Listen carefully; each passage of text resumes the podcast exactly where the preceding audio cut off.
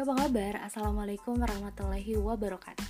Kembali lagi nih di ruang podcast Sani Study of Education.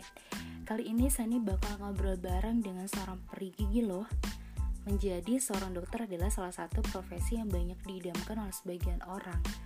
Namun pendidikan yang ditempuh pastinya tidak mudah Dan memakan waktu yang cukup lama dengan segala tantangannya obrolan kali ini kita akan kupas pengalaman seorang dokter gigi saat menempuh pendidikan S1 Fakultas Kedokteran Gigi Universitas Pajajaran.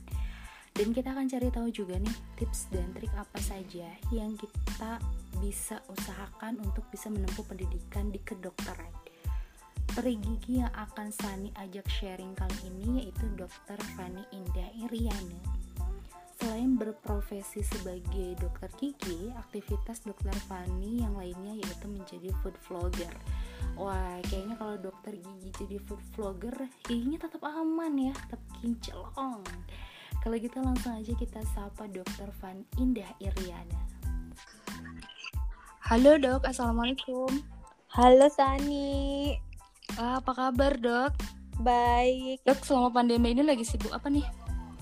Hmm, kalau praktek sih berkurang, emang dikurangin jadwalnya. Mm-mm. Terus kuliahnya online juga. Langsung aja ya. Saya nih pengen tahu nih cerita awal mula dokter memutuskan untuk menempuh pendidikan di Fakultas Kedokteran Gigi. Dulunya nih yang dari awal Mm-mm. banget ya. Awalnya sih dulu waktu milih jurusan kuliah itu bukan pilihan pertama. Justru pilihan pertamanya tuh kedokteran. Pilihan keduanya kedokteran gigi. Tapi ternyata yang diterimanya yang pilihan keduanya.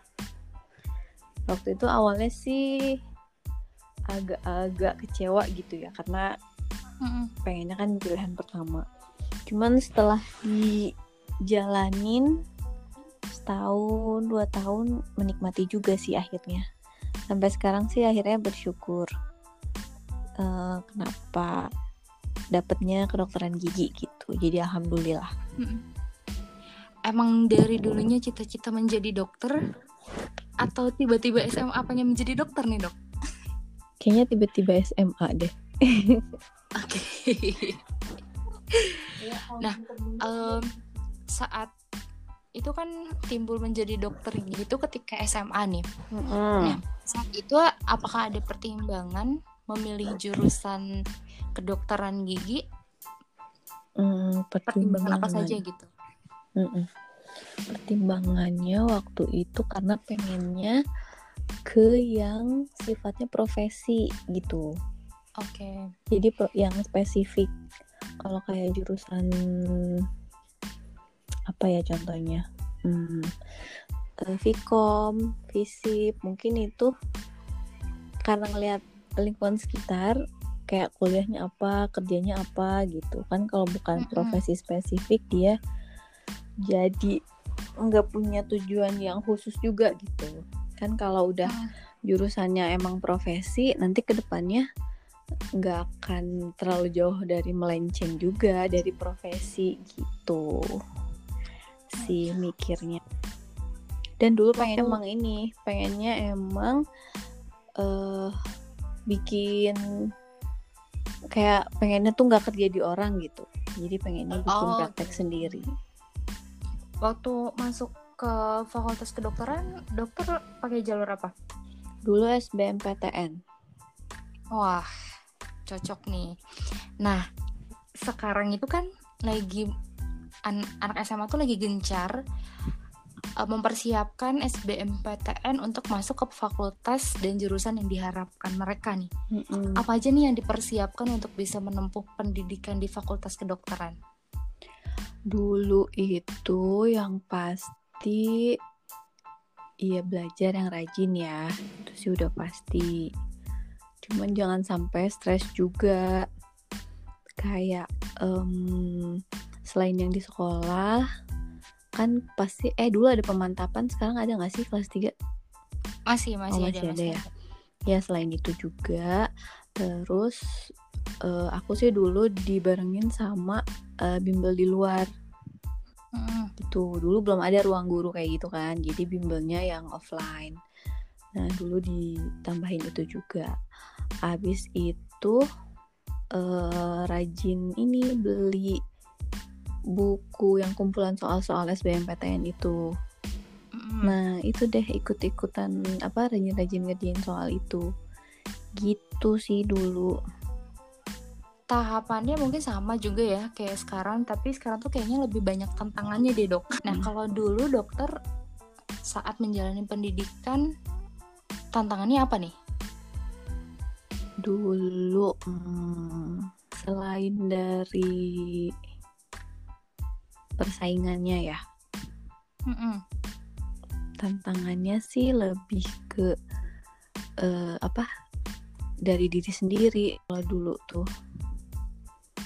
Kayak misalnya itu kan lumayan maksudnya lumayan berat ya perjuangannya. Maksudnya harus Mm-mm. Maksain diri kayak belajar kadang sampai begadang. Terus ya banyak lah pengorbanan-pengorbanan yang kita lakuin. Jadi hmm, si niat sama tekadnya harus kuat kalau dulu tuh. Ya mungkin sekarang juga sama apalagi tantangannya lebih banyak kan. Jadi ya itu balik lagi kalau kita emang benar-benar passion emang sukanya di situ gitu emang suka eh, eh, jurusan IPA emang pengen jadi dokter gitu ya harus Mm-mm.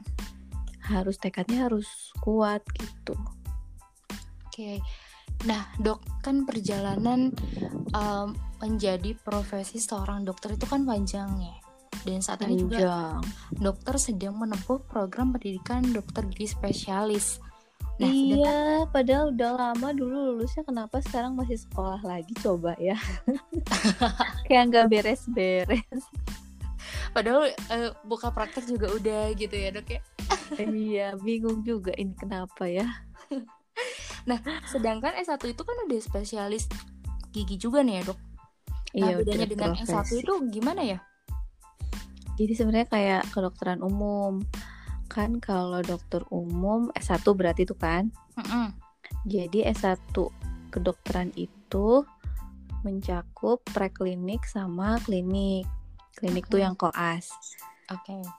Itu biasanya S1-nya biasalah 4 tahunan. Terus koasnya sekitar 2 tahun kan berarti total-total 7 tahunan. Mm-mm. Nah, itu tuh S1. S1 tuh berarti dokter umum atau dokter gigi umum. Oh, Oke. Nah, habis itu ada lagi jenjang berikutnya. Eh, spesialis berarti itu. Kalau di dokter umum kan spesialisasinya banyak tuh. Ah-ah. Ada anak, jantung, bedah, mata, apalah gitu banyak banget kan. Nah, di kedokteran gigi juga sama. Jadi kalau setelah lulus S1 itu belum spesialis sebenarnya itu masih judulnya dokter gigi umum. Oke. Kalau mau jadi spesialis harus sekolah lagi. Ada sub eh, spesialisnya tuh ada enam jurusan. Mm-mm. Apa ada aja tuh, dok? yang ada yang orto, ortodonti itu yang perbehelan. Jadi Ada yang kedokteran gigi anak, ada yang bedah mulut. Pokoknya 6. Sekolahnya sekitar 3 sampai eh, 5 tahun. Ini belum usai ternyata ya dok ya. Untuk pendidikan kedokteran ini memang kita selalu kenal kedokteran itu dengan jurusan mahal sulit menempuhnya dan juga waktunya yang sangat panjang. Ini untuk Mm-mm. membicarakan waktu yang panjang ini otomatis kan kita harus menikmati semua proses itu. Nah dari dokter sendiri gimana nih cara menikmati waktu yang cukup lama itu dok Iya, itu emang kalau dipikir-pikir ya panjang banget gitu kayak tua di sekolahan jadinya. Jadi kalau nggak menikmati kan sayang banget ya. iya Setengah hidup itu bisa habis di sekolah tapi hmm, ya harus dijalanin gitu. Sebenarnya kan kalau spesialis itu pilihan ya, ada yang mau ngambil boleh, ada yang enggak juga nggak apa-apa. Hanya di sampai S1 aja kan udah bisa praktek juga. Cuman kalau ada yang pengen passion yang melanjutkan ya dilanjutkan gitu. Kalau buat menikmatinya iya jangan terlalu dibawa stres sih. Sebenarnya kalau masa-masa stres sih pasti ada ya. Mm-mm. dan menurut aku nggak nggak cuman di kedokteran aja sih. Pasti semua jurusan pasti ngalamin lah. Yang namanya lagi stres gitu. Stres tugas stres uas stres TA gitu yang gitu-gitu pasti ada naik turunnya. Cuman ya intinya dinikmatin aja. Pasti setelah masa-masa stres itu nanti kalau kita udah ngelewatin kadang-kadang kalau inget lagi suka kangen kok gitu.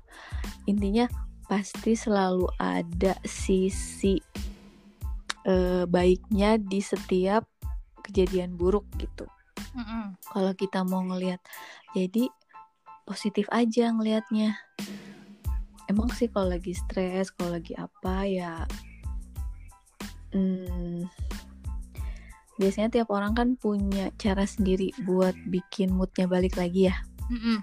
kadang aku juga kalau lagi udah lagi penat banget gitu kalau dipaksain belajar juga nggak masuk masuk Mm-mm. jadi emang harus di refresh lagi tuh si otaknya. Caranya tiap orang kan beda-beda. Ada yang kalau yang sukanya makan ya pergi aja makan keluar makan yang enak gitu. Atau yang Mm-mm. sukanya apa jadi lakuin hal-hal yang hmm, kamu suka. Biasanya sih gitu. Mm. jadi pas udah mentok nanti di refresh lagi. Udah mentok di refresh lagi gitu. Dan in- intinya di dinikmatin sih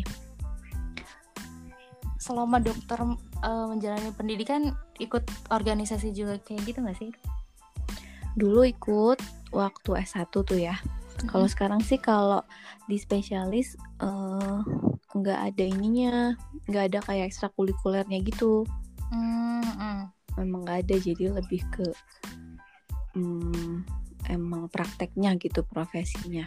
Mm-mm. kalau dulu ya sama kayak mahasiswa lain pada umumnya banyak UKM-nya gitu.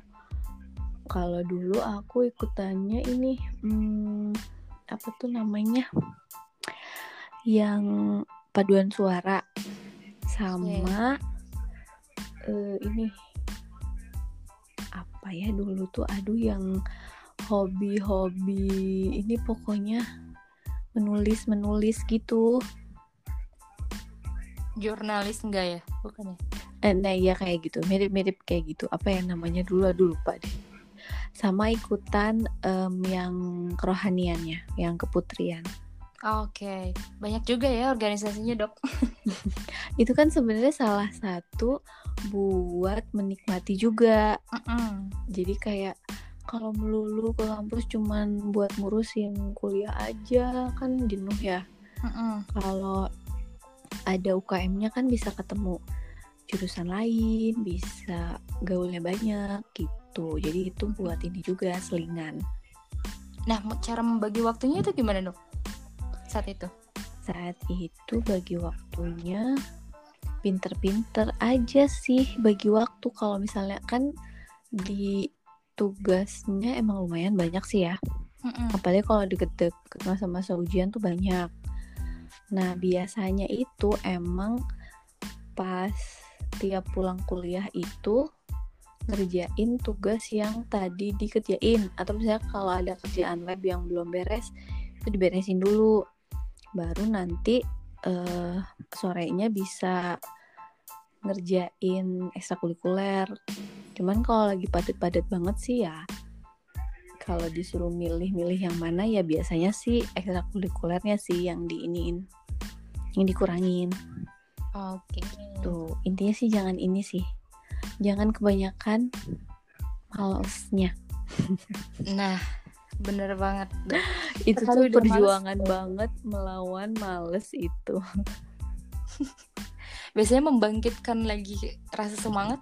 Dokter ngapain tuh kalau dia males banget gitu? iya itu tuh kadang suka ada masa-masa mager kan ya.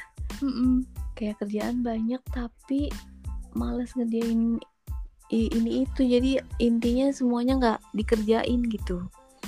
Ada tuh emang masa-masa itu. Ya manusiawi lah ya itu. Nah biasanya pas ngebangkitinnya lagi itu uh, caranya tuh bisa bareng-bareng sama temen. Biasanya kalau bareng-bareng lebih semangat. Ngerjain tugasnya misalnya bareng. Ngerjain apanya bareng gitu minta ditemenin atau uh, ini apa ngobrol sama orang tua. Biasanya kalau habis ngobrol-ngobrol sama orang tua tuh jadi pembangkit semangat sih kalau aku. Jadi kayak ya ampun ngapain ya mereka tuh udah kan capek-capek ngebiayain gitu ya. Mm-hmm. terus kitanya nyanyiakan gitu dengan malas gitu. Jadi itu agak menyulut sedikit semangat nah membahas soal semangat nih dok. Ada nggak yang mau disampaikan kepada adik-adik yang mau menempuh pendidikan khususnya di FKG Unpad nih? Mungkin kasih semangat untuk mereka gitu. Iya, kemarin-kemarin tuh banyak kan yang nge-DM aku minta di ada yang minta tips-tips yang mau TBK tuh atau yang mau yang pengen masuk ke FKG. Minta tipsnya, minta doanya.